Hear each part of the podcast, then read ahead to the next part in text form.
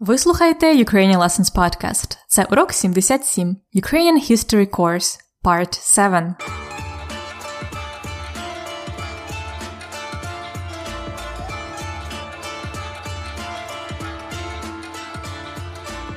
Добрий день усім слухачам подкасту Уроки української Ukrainian Lessons. Мене звати Анна, я вчителька української мови і ведуча цього подкасту. Я створила цей проект, щоб багато людей в усьому світі могли вивчати українську мову, а також дізнаватися про українців, нашу культуру і, звісно, історію. Зараз на подкасті ми багато говоримо про історію України. Минулого разу урок був про жахливий період 20-30-х років, про сталінські репресії, терор і голодомор. На жаль, сорокові роки не були кращими, тому що тоді відбувалася Друга світова війна. Раніше в Україні люди думали, що війна розпочалась у 1941 році. Хоча насправді це був, звичайно, 1939 рік. Чому так? Про це і багато інших фактів про Другу світову війну в Україні ви дізнаєтесь сьогодні.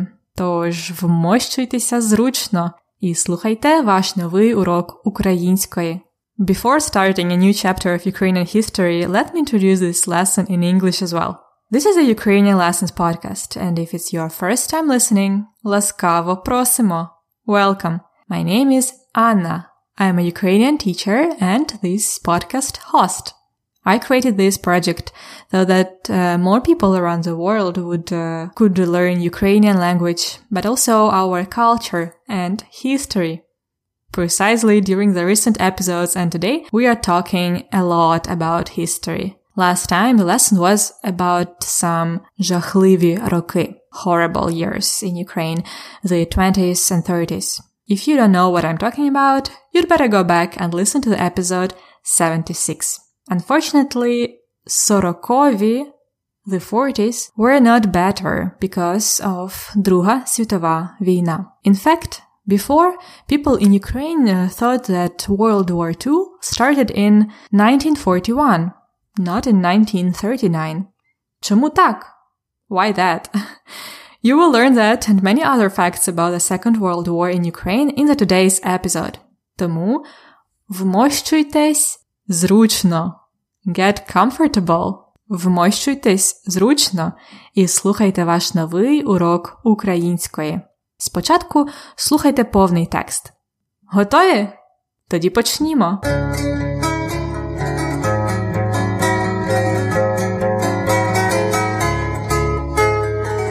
Короткий курс з історії України. Частина 7. Друга світова війна.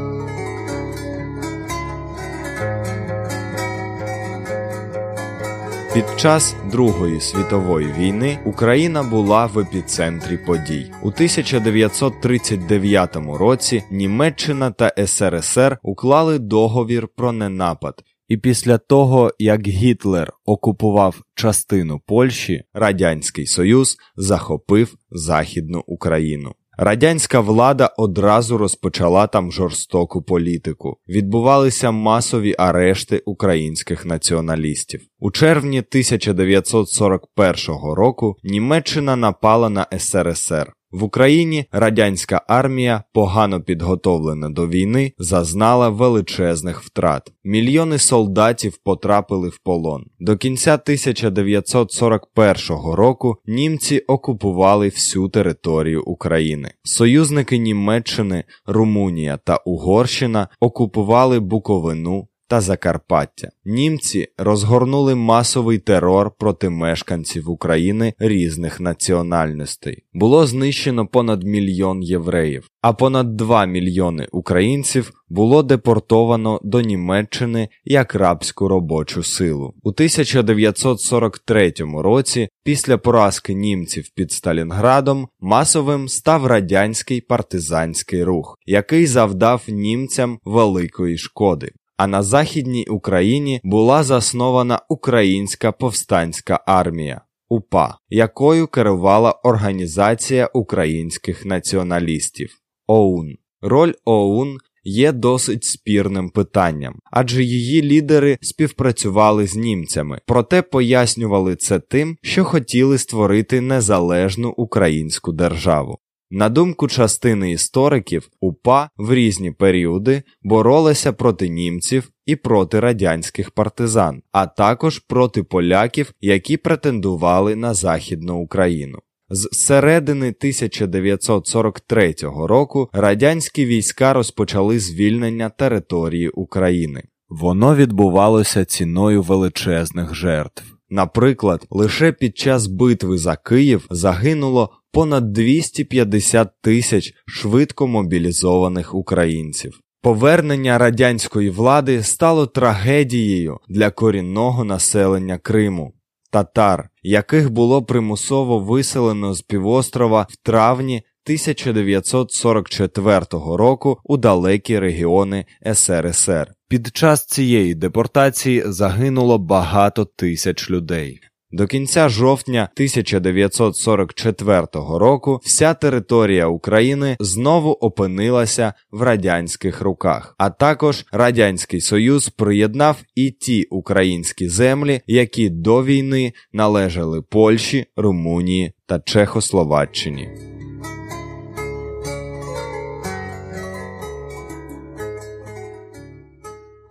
Ось така історія Другої світової війни в Україні. Чесно кажучи, вона може бути заплутаною, confusing. Тому що це було не так просто. Українці проти німців ні. Було три армії: радянська армія і партизани, німецька або нацистська армія і українська повстанська армія.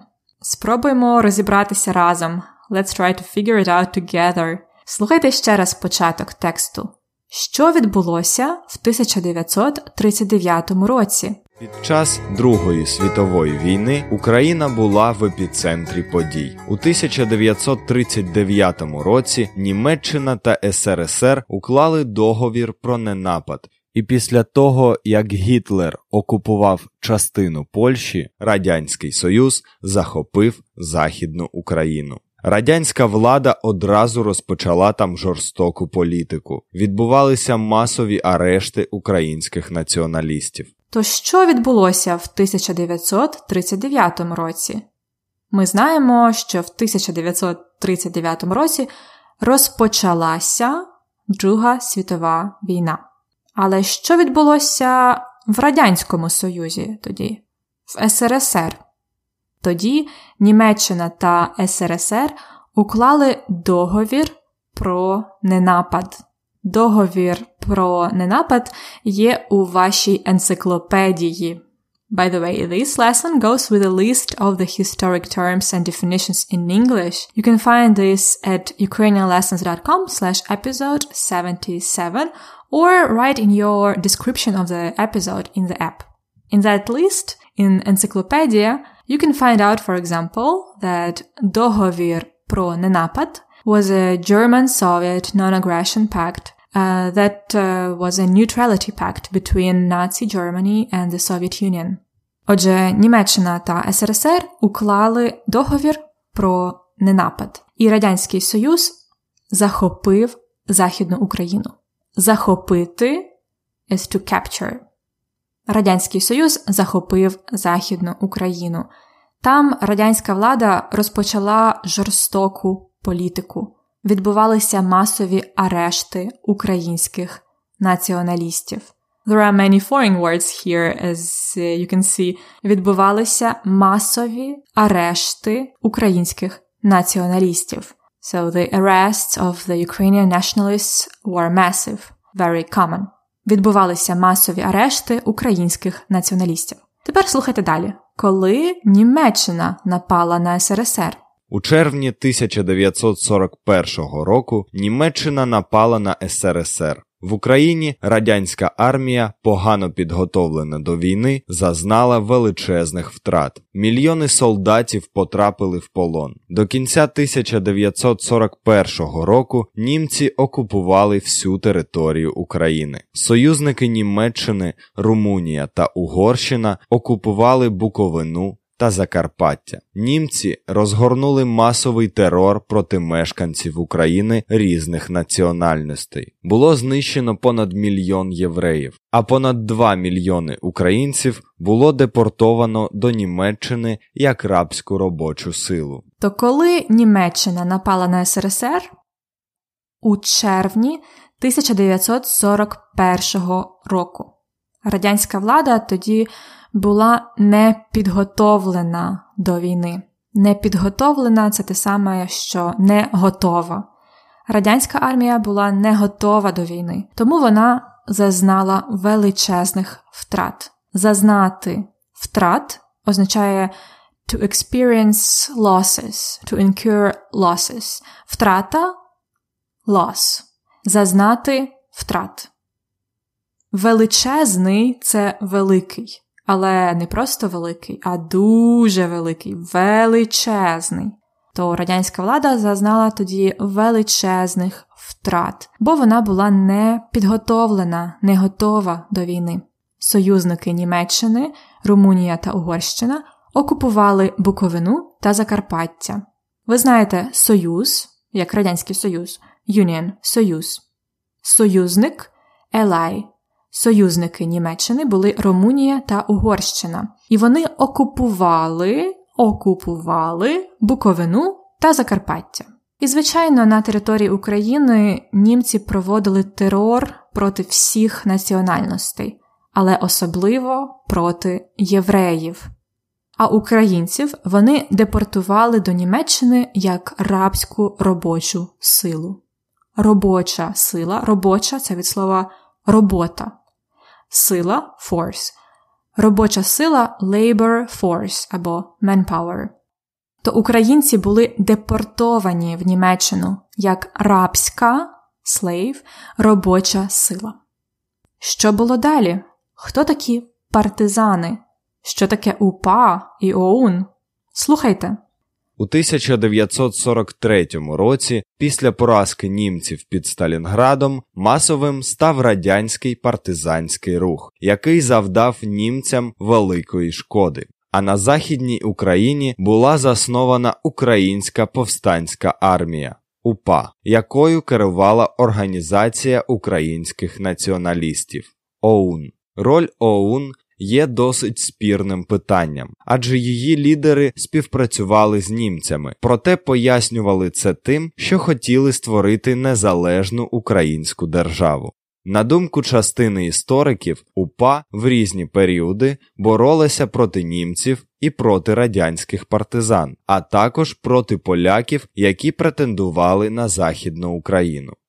Отже, у 1943 році радянський партизанський рух став сильнішим.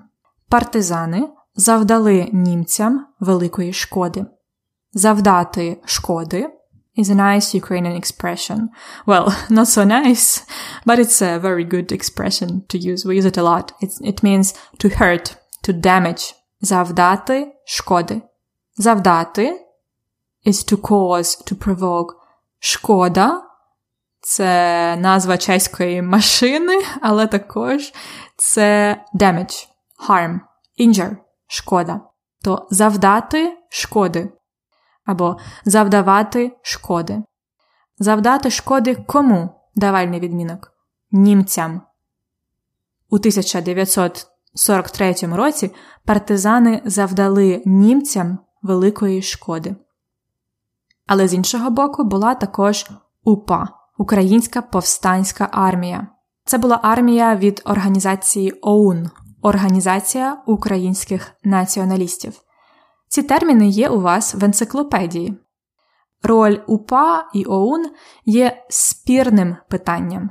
Спірний це контроверсійний, controversial, спірний. То це спірне питання, тому що вони співпрацювали з німцями. They at some point they collaborated with Germans with Nazis uh, in order to створити незалежну українську державу, to create an independent Ukraine. Тобто вони боролися проти радянських партизан, але також проти німців і проти поляків, які претендували на Західну Україну. Тобто вони боролися проти всіх against all, але за for незалежну Україну. На Західній Україні УПА це, звичайно, герої, але в деяких інших регіонах України навіть зараз УПА це спірне, контроверсійне питання. Добре, послухайте наступну частину. Що було далі? З середини 1943 року радянські війська розпочали звільнення території України. Воно відбувалося ціною величезних жертв. Наприклад, лише під час битви за Київ загинуло понад 250 тисяч швидко мобілізованих українців. Повернення радянської влади стало трагедією для корінного населення Криму, татар, яких було примусово виселено з півострова в травні 1944 року у далекі регіони СРСР. Під час цієї депортації загинуло багато тисяч людей. А далі радянські війська розпочали звільнення території України. Звільнення звільнити від слова воля freedom, звільнити liberate, звільнення liberation. Але воно звільнення відбувалося ціною величезних жертв.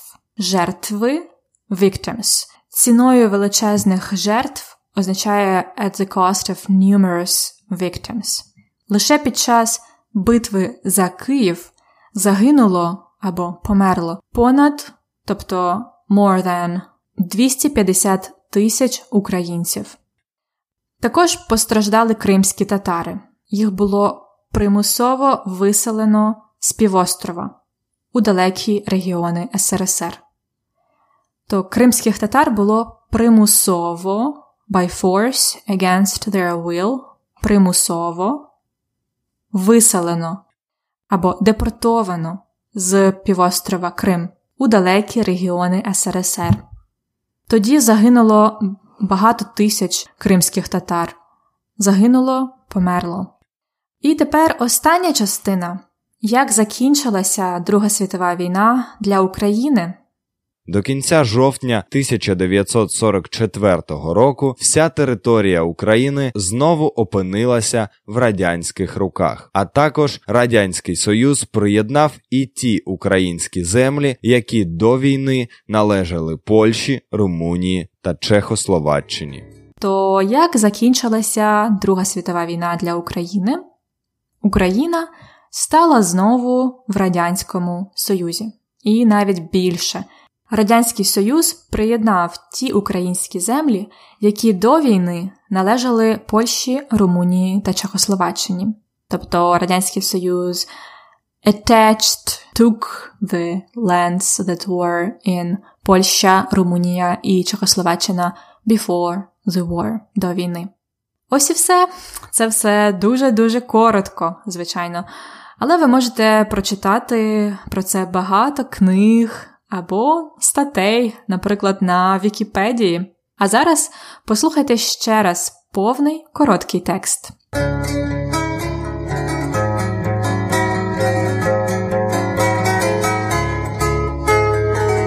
Короткий курс з історії України. Частина сьома. Друга світова війна.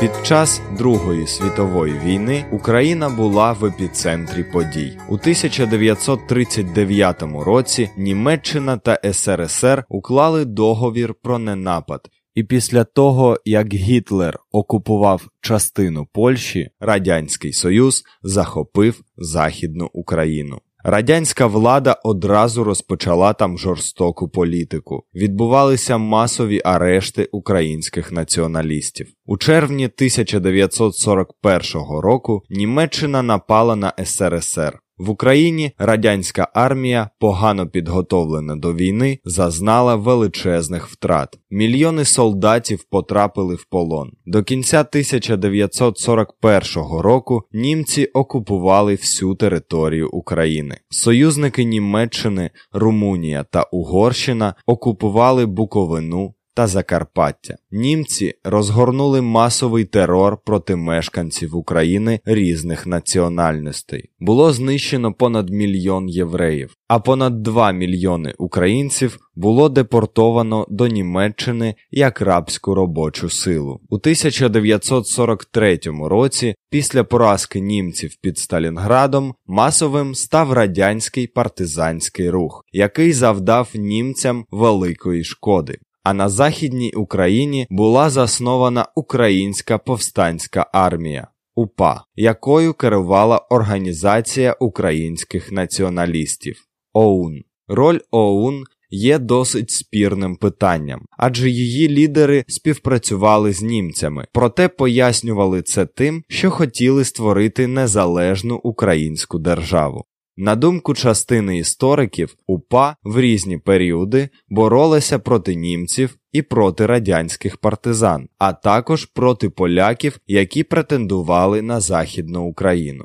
З середини 1943 року радянські війська розпочали звільнення території України. Воно відбувалося ціною величезних жертв. Наприклад, лише під час битви за Київ загинуло понад 250 тисяч швидко мобілізованих українців. Повернення радянської влади стало трагедією для корінного населення Криму, татар, яких було примусово виселено з півострова в травні 1944 року у далекі регіони СРСР. Під час цієї депортації загинуло багато тисяч людей. До кінця жовтня 1944 року вся територія України знову опинилася в радянських руках, а також Радянський Союз приєднав і ті українські землі, які до війни належали Польщі, Румунії та Чехословаччині.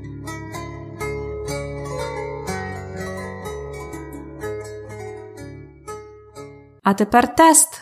Дайте відповіді на ці запитання про Другу світову війну в Україні. Запитання 1. Яку частину України окупував Радянський Союз на початку Другої світової війни?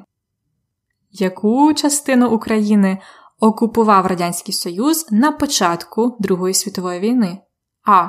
Північну Україну, Б. Східну Україну, В. Західну Україну. Правильна відповідь В. Західну Україну. Радянський Союз окупував occupied, так? Західну Україну на початку Другої світової війни. Запитання 2. Коли Німеччина напала на Радянський Союз? Напала це атакувала. Коли Німеччина напала на Радянський Союз. А. Восени 1939 року. Б влітку 1941 року, В. Взимку 1942 року. Я сподіваюся, ви пам'ятаєте слова восени, осінь, влітку літо і взимку зима. То Німеччина напала на Радянський Союз Б влітку 1941 року. І запитання 3. Куди депортували кримських татар у 1944 році? Куди Where to їх депортували? А. В Німеччину, Б. На Закарпаття, В. У далеку Росію. І правильна відповідь В. Їх депортували далеко-далеко в Росію. Сподіваюся, ви вивчили сьогодні щось нове. You can also get much more practice, fill in the blanks, do some comprehension and vocabulary exercises in the lesson notes of the today's episode. Find out more about uh, how to get those at ukrainianlessons.com slash episode 77.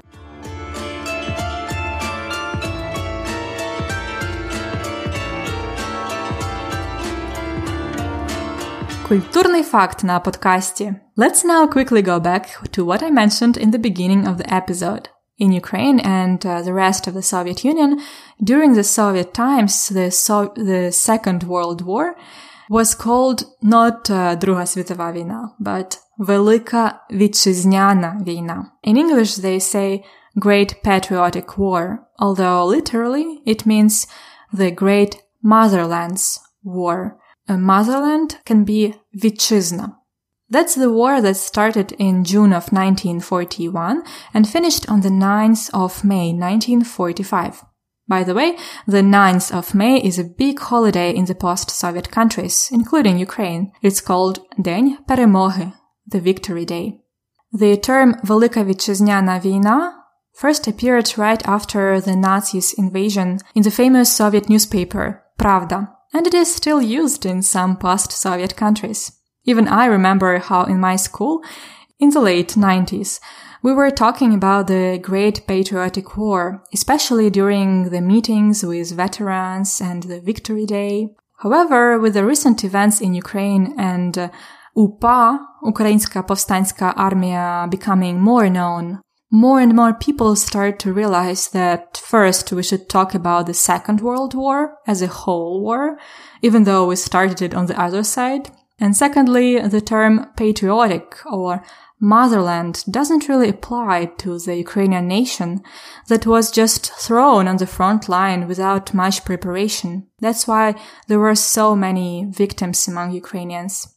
In fact, in April 2015, the Ukrainian parliament replaced the term Great Patriotic War with the Second World War, so now we use Друга світова війна. It was a part of a big decommunization law in Ukraine after Maidan Revolution. У вас є питання? I plan the last episode of the season 2 to be a Q&A session where you ask me questions and I answer. If you have any question about Ukrainian language or culture or if you need some tips about traveling in Ukraine or learning a language, record your question in any format. It is easy to do with just a phone and send it to me to question at ukrainianlessons.com. Don't forget to say your name and where you are from in your recording. It's of course better if you do it in Ukrainian, but English is fine too. Send your question to me to question at ukrainianlessons.com. І це все на сьогодні. Тепер ви знаєте трохи про те, якою була Друга світова війна в Україні. І тепер ви знаєте також, що таке Велика Вітчизняна війна. Next time, we are going to continue with the Soviet times in the Ukrainian history. We are getting closer to the best part. So subscribe to the podcast if you haven't already, or follow us on Facebook or Twitter not to miss a lesson. Also, for our premium members every week, we send the PDF lesson notes with the transcripts, translation, exercises, and the word lists. There are also flashcards every 10 episodes. Find out more about the membership at ukrainianlessons.com slash episode 77 ukrainianlessons.com slash episode 77. Чудового вам дня чи вечора. До побачення. На все добре!